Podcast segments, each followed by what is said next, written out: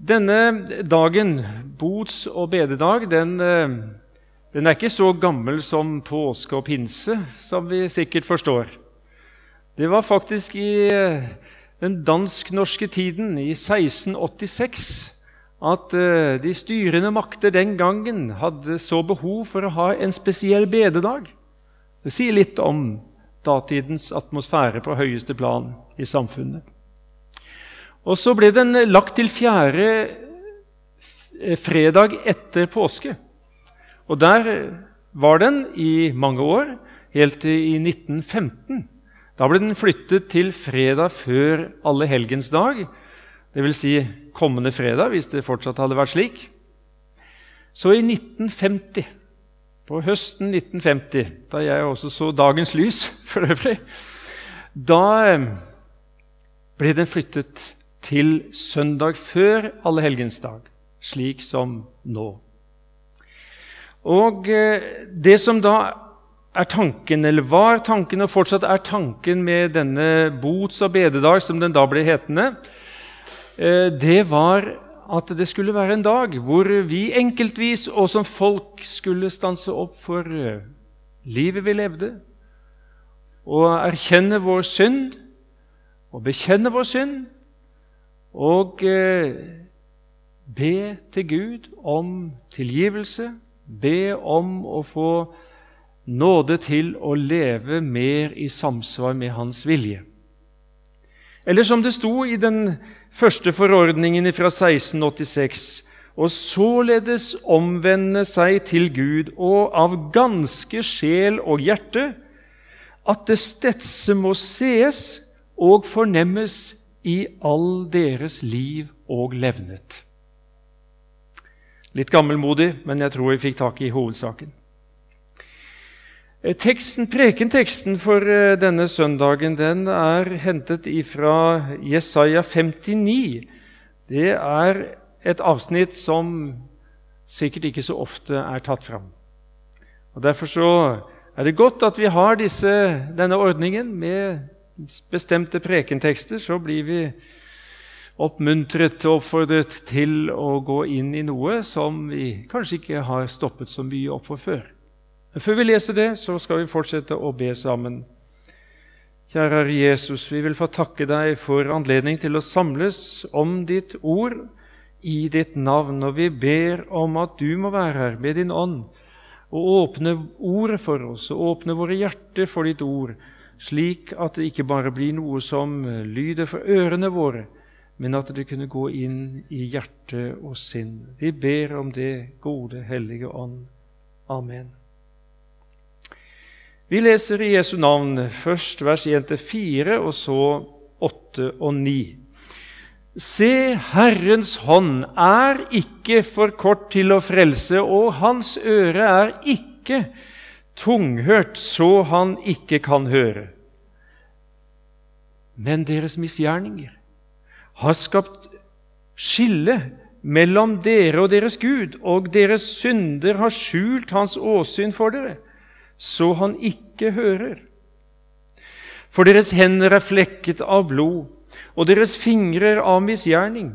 Deres lepper taler løgn, og deres tunge mumler fram svikefulle ord. Det er ingen som spør etter rettferdighet, og ingen som fører rettssak på ærlig vis. De setter sin lit til usannhet og taler løgn. De har unnfanget ulykke og føder elendighet. Fredens vei kjenner de ikke, og det er ingen rett i deres spor.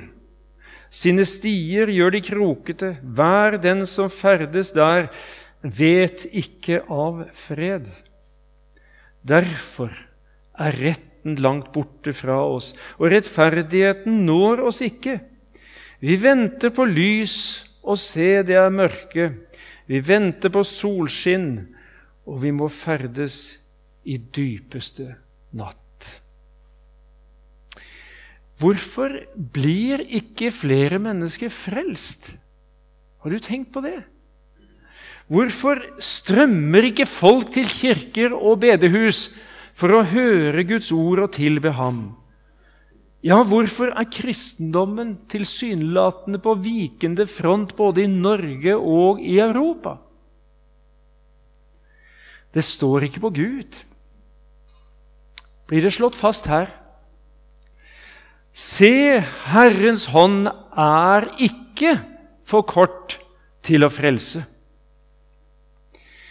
Alle religionene de har det til felles at de forteller mennesker hvordan de skal strekke sine hender opp til en eller annen gud for å prøve å få kontakt med han. Men eh, våre hender er for korte. Vi når ikke opp selv om vi hadde brukt all vår tid til religiøse øvelser og gode gjerninger. Vår hånd er og blir for kort til å frelse. Kristendommen den er alene om å fortelle om en Gud som strekker sine armer ned til oss. Og Herrens hånd er ikke for kort til å frelse. Den rekker ned til hver eneste en av oss. Ja, den rekker ned til den dypest fallende og tar under han og henne og løfter vedkommende opp. Herrens hånd. Det står om eh, hans armer i 5. Mosebok. En bolig er den evige Gud, og her nede er evige armer. Det er ikke noen motsetning for Gud altså, å bo i det høye og hellige og her hos oss, i vår skrøpelighet og nød. Han kan være begge steder og trives begge steder. Ja, det er faktisk bare de to stedene han bor, egentlig, hvor han føler seg hjemme. I det høye og hellige og hos en synder som er i nød, og roper til Han om frelse. Herrens hånd og Herrens arm det er uttrykk i Bibelen for Guds makt til å frelse. Og denne Herrens arm den ble på en særlig måte åpenbart i Messias. Herrens lidende tjener, som vi hører om noen få kapitler før i Jesaja, i kapittel 53. Det så skrøpelig ut. Det var en svak arm, vil mange si, som så Jesus der han ble pint og forslått og til slutt naglet til et kors. Men det de ikke så, men som Gud så, det var at nettopp der i Jesu fornedrelse, der seiret han. Der ble Guds makt til frelse åpenbart. Og det har vi jo sett etterpå. Men det var ikke klart der og da.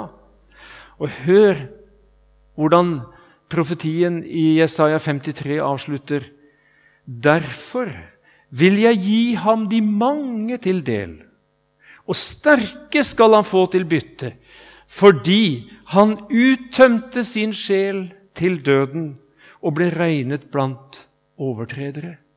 Han som bar manges synd. Det er alles synd. Det er også din og min synd. det og han ba for overtredere. Slik vant Jesus seier. Slik åpenbarte Gud sin frelsemakt. Nei, det står ikke på Gud. Jeg har sett hvordan opplyste mennesker i Japan har stått og bedt til en gudefigur som de først måtte prøve å vekke til eh, oppmerksomhet ved å slå på en eller annen gong-gong. Men eh, hjalp det da? Hørte han mer etter at de hadde prøvd å vekke han? Nei. For det var jo bare av dødt materiale.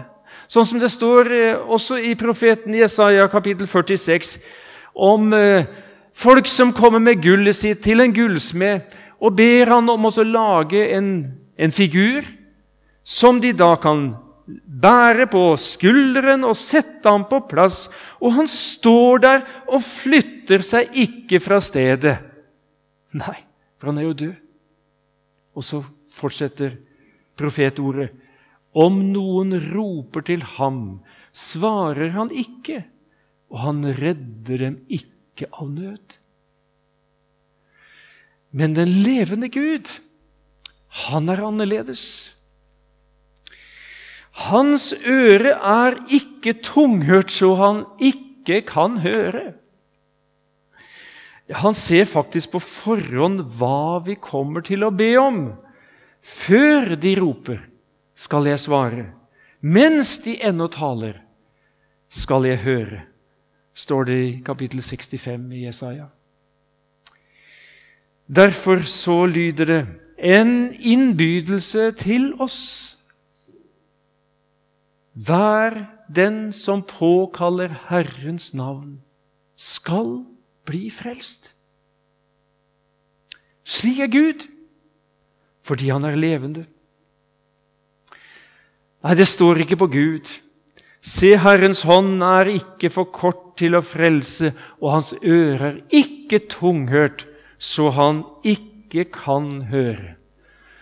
Det verset der det har jeg funnet trøst og glede i mange ganger.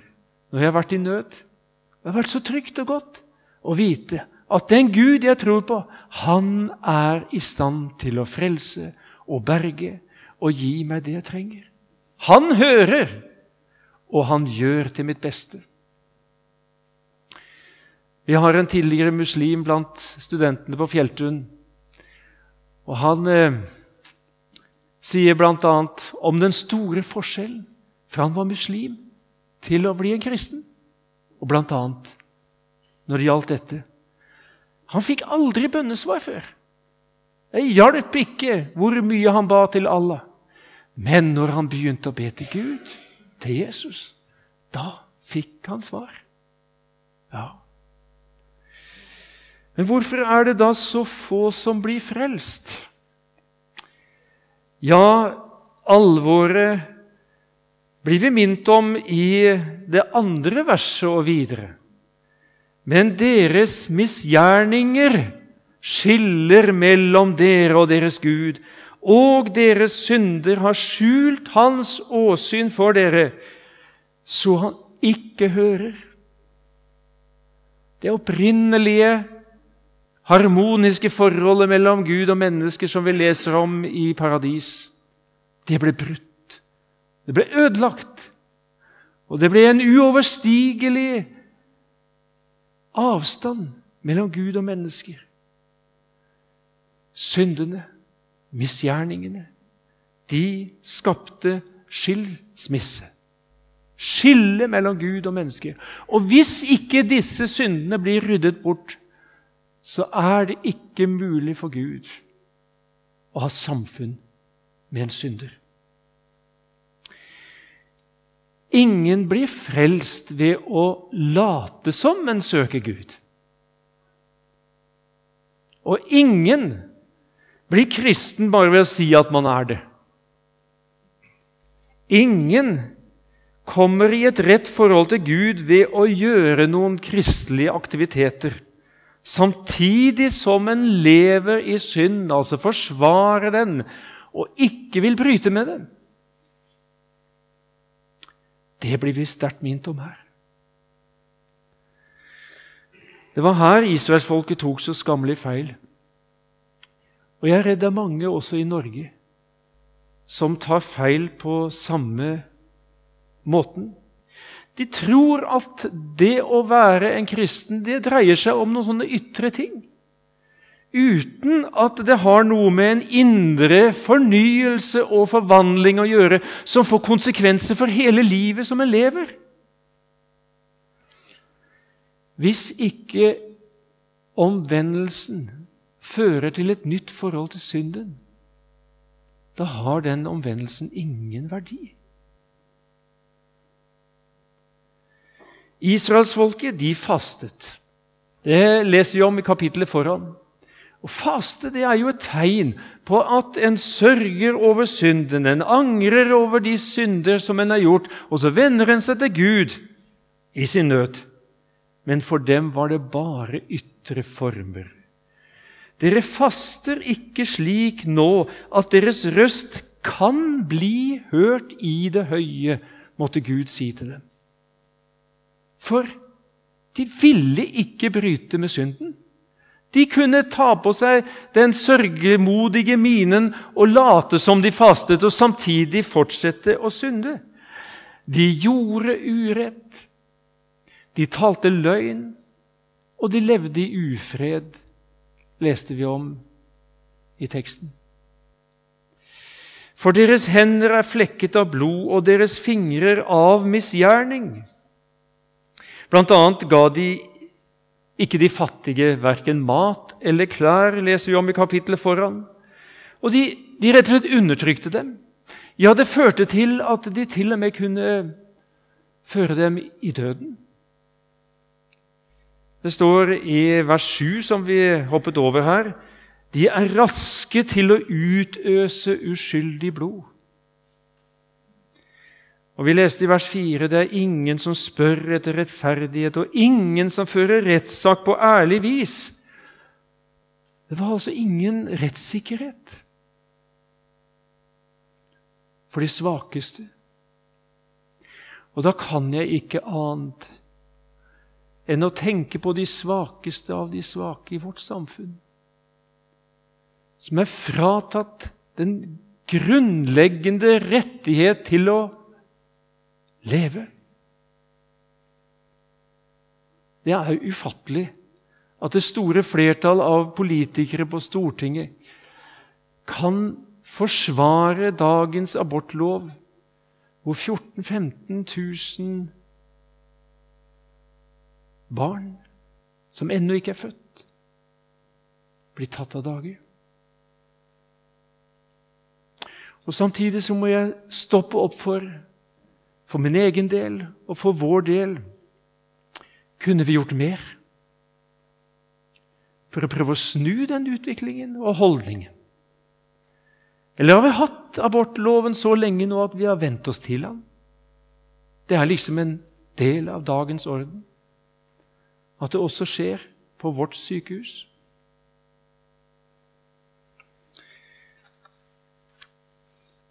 For det andre så talte de usant, leste vi. Deres lepper taler løgn, og deres tunge mumler fram svikefulle ord. De setter sin lit til usannhet og taler løgn. De har unnfanget ulykke og føder elendighet. Det er forferdelig ødeleggende for et samfunn og for alle mindre fellesskap når løgnen og usannheten får plass Du kan jo ikke stole på folk lenger da, ikke sant?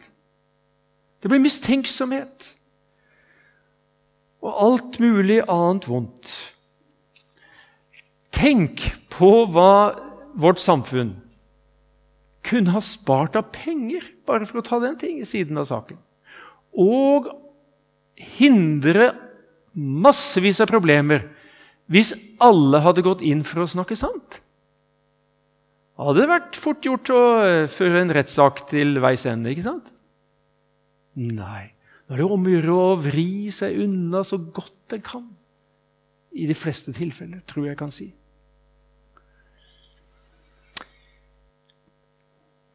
Sannhet.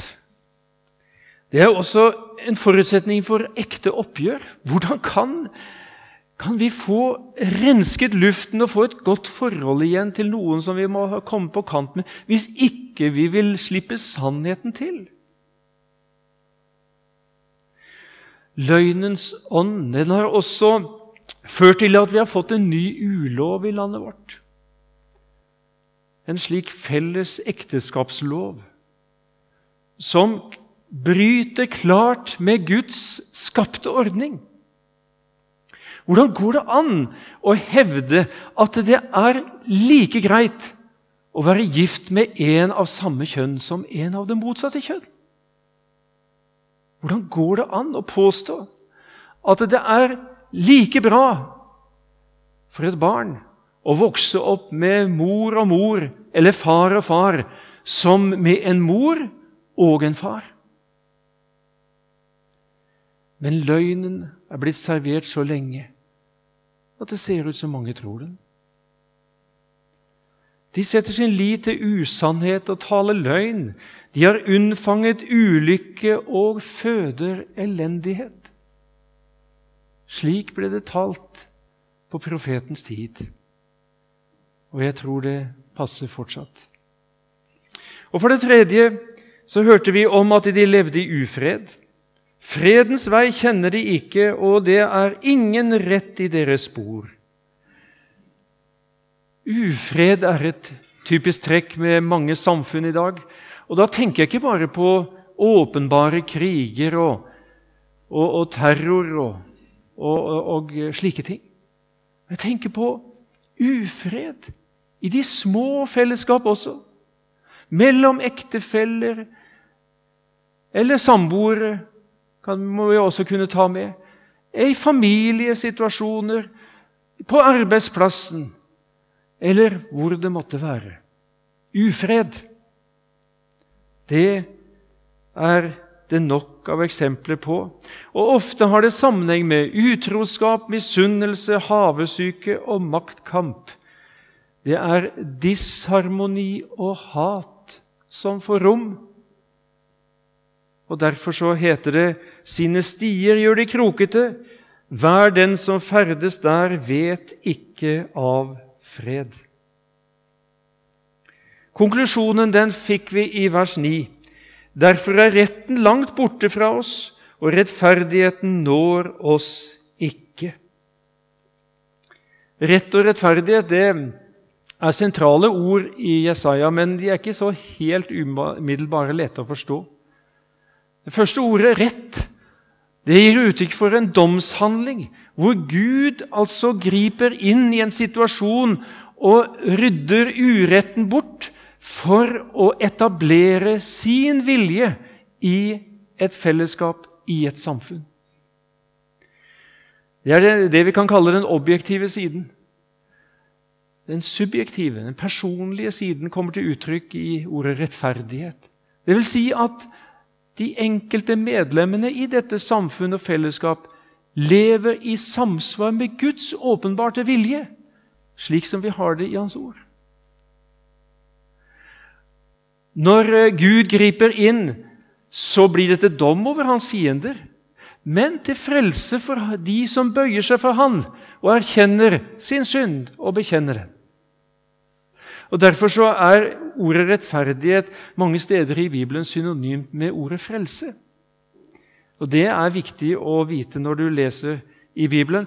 Og Slik er det i tilfellet her. For Jesaja, sammen med, med de som forstår at dette er galt, kan vi tenke oss, lengter etter retten og rettferdigheten som en venter på lys og solskinn, leste vi. Og det er jo noe positivt og godt. ikke sant? Lys og solskinn, varme. Men frelsen når ikke fram. Retten er langt borte fra oss, og rettferdigheten når oss ikke. Hvorfor? Fordi vi ikke vil bryte med synden, er profetens svar. Og nå la du kanskje merke til at det var et skifte i det personlige pronomen her. Før så har det vært snakk om dere og de. Men nå sier plutselig profeten vi. Vi har syndet. Selv om profeten altså ikke tok del i synden på samme måte som folket, så tok han del i synds bekjennelsen og stilte seg sammen med sitt folk og ba til Gud om nåde, om frelse. Det var ikke første gangen Jesaja gjorde det. Vi møter det i kapittel 6. Da har han holdt på og profetert en stund og pekt på folkets synder. Men så plutselig så får han møte Gud sjøl i et syn som om han var i tempelet Kanskje han var det fysisk også. Og så får han se Guds hellighet så kraftig at han får se også sin egen synd. Og så sier han, 'Ved meg', sier han. 'Jeg er fortapt. Det er ute med meg.' For jeg er en mann med urene lepper, og jeg bor midt iblant et folk med urene lepper. Og mine øyne har sett Kongen, Herren, herskarenes Gud. Han som hadde forkynt så mye til andre om hvordan de skulle innrette seg, han fikk nå nok med sin egen synd. Det blir noe helt annet å si 'de har syndet', og 'vi har syndet'. Og Hvis du leser etterpå teksten vår eh, når du kommer for deg sjøl, så ser du akkurat denne holdningen. Våre overtredelser har vi for våre øyne, og våre misgjerninger kjenner vi, osv. Det er ikke blitt de andres sak, men det er blitt vår sak, min sak. Det er vel sannsynlig at vi som er samlet her, ikke er kjent som de mest åpenbare syndere i byen. Men eh, i møte med Guds hellighet, i møte med Hans klare, åpenbarte vilje, så vil jeg tro det. At vi har ingen behov for å si 'de' men vi må si 'vi'. Sånn var det også med Daniel. Det står om han i Daniel 9,5, denne fromme, rettferdige Daniel, som er som et ideal for oss. Men han kom opp i samme nødsituasjon som Jesaja, og så sier han, 'Vi har syndet og gjort ille' vært ugudelige og satt oss opp mot deg. Vi har veket av fra dine bud og dine lover. Som han ville si, Herre, tilgi oss, også meg. Under gudstjenesten i Den norske kirke så er det hver gang en synsbekjennelse. Vi pleier ikke å ha den her i Salem, men nå skal vi ha den. Og nå skal vi si den fram. Vi skal bekjenne våre synder. Vi sier det høyt. Hellige Gud, himmelske Far, se i nåde til meg, syndige menneske, som har krenket deg med tanker, ord og gjerninger og kjenner lysten til det onde i mitt hjerte. For Jesu Kristi skyld, ha langmodighet med meg. Tilgi meg alle mine synder, og gi meg å frykte og elske deg alene. Amen. Det greske ordet for bekjennelse, homologia, det betyr å si det samme som. Og når det gjelder bekjennelse av synd, så betyr det at vi sier det samme om vår synd som Gud sier om vår synd. Og da blir tingene satt på plass. Det gjelder å se det Gud ser, også om vår synd, selv om det kan bli forferdelig alvorlig å måtte se det i øynene. For du ser at våre overtredelser er mange, står det i vers 12 i kapittelet vårt. Når vi blir klar over at vi har syndet, da er det viktig å erkjenne og bekjenne synden, altså å være enig med Gud og gi tydelig uttrykk for det overfor ham ved å bekjenne og angre våre synder. Jeg syns det kommer så godt til uttrykk i Lukas 7. Der står det hele folket som hørte ham, altså døperen Johannes, også tollerne, ga Gud rett og lot seg døpe med Johannes' dåp. Der er vi ved sakens kjerne. Det er så viktig å gi Gud rett. Vi har fått en dårlig arv fra de første menneskene. De begynte med å skylde på hverandre. Ja, faktisk indirekte på Gud. Og sånn er vi òg. Det er så vanskelig å si 'Jeg har syndet. Det er mitt ansvar. Det er jeg som har gjort noe galt.' 'Det er jeg som har sagt de dårlige ordene til deg eller til en annen.' Kan du tilgi? Men skal vi komme videre, både i forhold til Gud og menneske, så må vi gi Gud rett. Og Det er noe herlig befriende med det, altså. Å sløyfe alle bortforklaringer og si det som det er. Ja, Gud, jeg har syndet, tilgi meg. Da slipper du nemlig Gud til.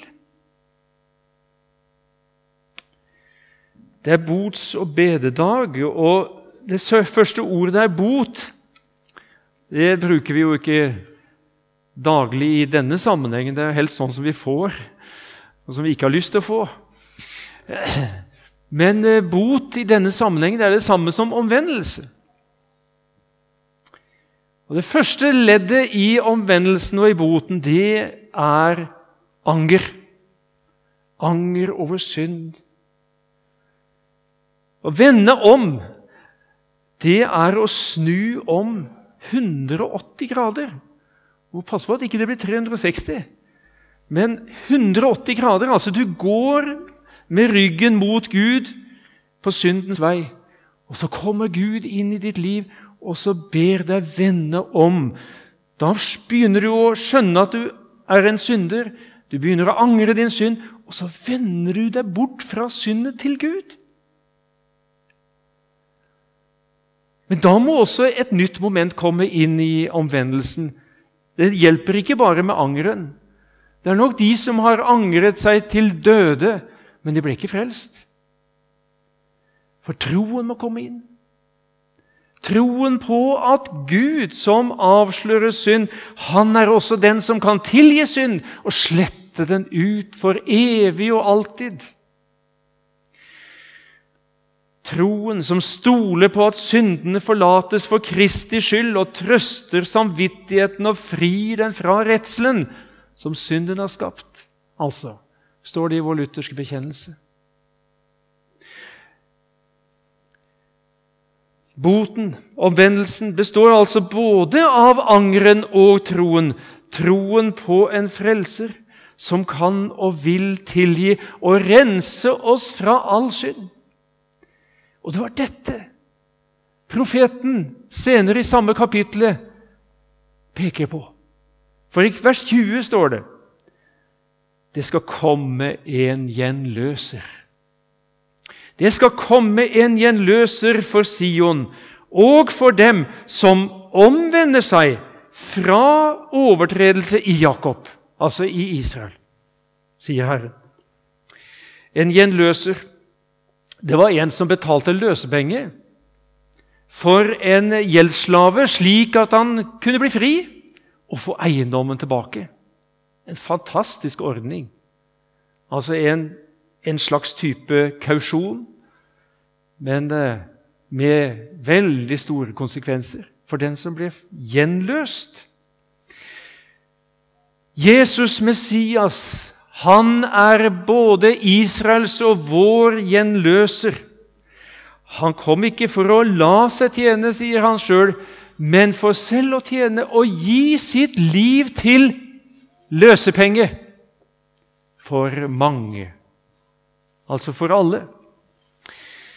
Han kom for å slette ut din ubetalelige syndeskyld og skape forbindelse mellom deg og Gud igjen dine misgjerninger og synder, som skapte skilsmisse mellom deg og Gud, de tok han på seg. De tok han det fulle og hele ansvar for, slik at når du vender deg om til Jesus og tror på han, da får du høre det samme som den angrende Jesaja fikk høre der han møtte Gud. Din misgjerning er tatt bort og din synd er sonet. Fantastisk budskap. Din misgjerning er tatt bort, og din synd er sonet. For Herrens hånd gjennom Jesus Kristus er ikke for kort til å frelse. En synder som vender seg til Gud i sin nød. Jesus har skapt forbindelse mellom oss mennesker og Gud ved å sone alle våre synder. Derfor så er Herrens øre heller ikke for tunghørt, så han ikke hører det minste sukk ifra ditt hjerte. Det kan du være trygg på. Om du kjenner deg dømt i dag, om du kjenner at Guds ånd har pirket borti kanskje gamle ting som du har prøvd å legge under teppet, ikke fortvil. Det hender at legen må gå litt drastisk til verk og skjære opp en verkende byll for å rense ut, for at legedommen skal komme til. Slik handler også Gud med oss. Han gjør det i kjærlighet, kan du vite. Du skal få lov til å rope til Han i dag. Kall på meg på nødens dag, så vil jeg utfri deg, og du skal prise meg, står det i Salme 50, 15. Det er det himmelske nødnummeret. Det er mye bedre enn disse tre nødnumrene vi har. 50-15! Det må du huske. Det må du ta med. Kall på meg på nødens dag. Om det så er i dag, så skal du vite han hører, og han frelser og tilgir. Trenger vi som kristne en bots- og bededag? Ja, vi trenger å leve i daglig omvendelse, faktisk. Det er et uttrykk som finnes i den kristne litteratur. I daglig omvendelse. Det betyr ikke at vi håper, eh, faller fra i løpet av natta og så må vi begynne helt på nytt igjen om morgenen. Nei. Men jeg trenger daglig å bevisstgjøre meg på at jeg er en synder som må vende seg bort fra synden til Gud, til Herren Jesus Kristus, slik at jeg får leve i syndenes forlatelse. Jeg trenger å gjøre meg bevisst at de er kalt til å leve et liv i omvendelse, bort fra synden, i tjeneste for Gud. Etterfølgelse av Kristus. Derfor sier døperen Johannes i evangelieteksten i dag så bær da frukt som er omvendelsen verdig. At det blir samklang mellom liv og lære. La oss ta med et bibelsitat fra 1. Peter 2 til slutt. For til dette ble dere kalt, fordi også Kristus led for dere, og etterlot dere et eksempel, for at dere og jeg skal følge i hans fotspor. Og så fortsetter det. Han som ikke gjorde synd.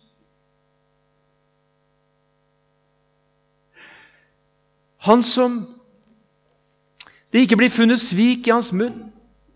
Han som ikke skjelte igjen når han ble utskjelt, og ikke truet når han led, men overlot det til ham som dømmer rettferdig. Skal denne dagen bli en ny start i ditt liv? Skal den bli en ny start i mitt liv? Det står ikke på Gud. Han vil mer enn gjerne begynne på nytt med deg. Om ikke helt på bånn, ikke helt fra begynnelsen. Men vi trenger stadig en fornyelse, en bevissthet. Sånn som vi sang i den andre sangen.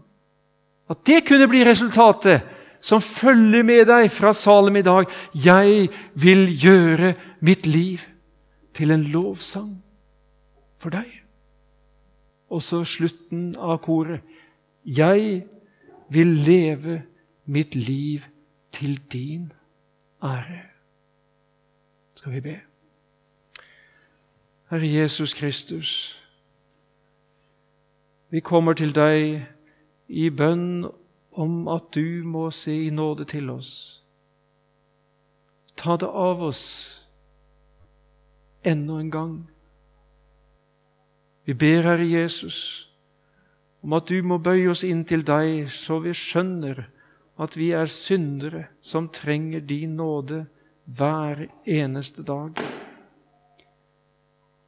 Vi takker deg for at du elsker oss tross alt, og at du vil tilgi oss, og at du vil begynne på nytt med oss, og la oss bli forpliktet enda mer på din vilje, o Gud.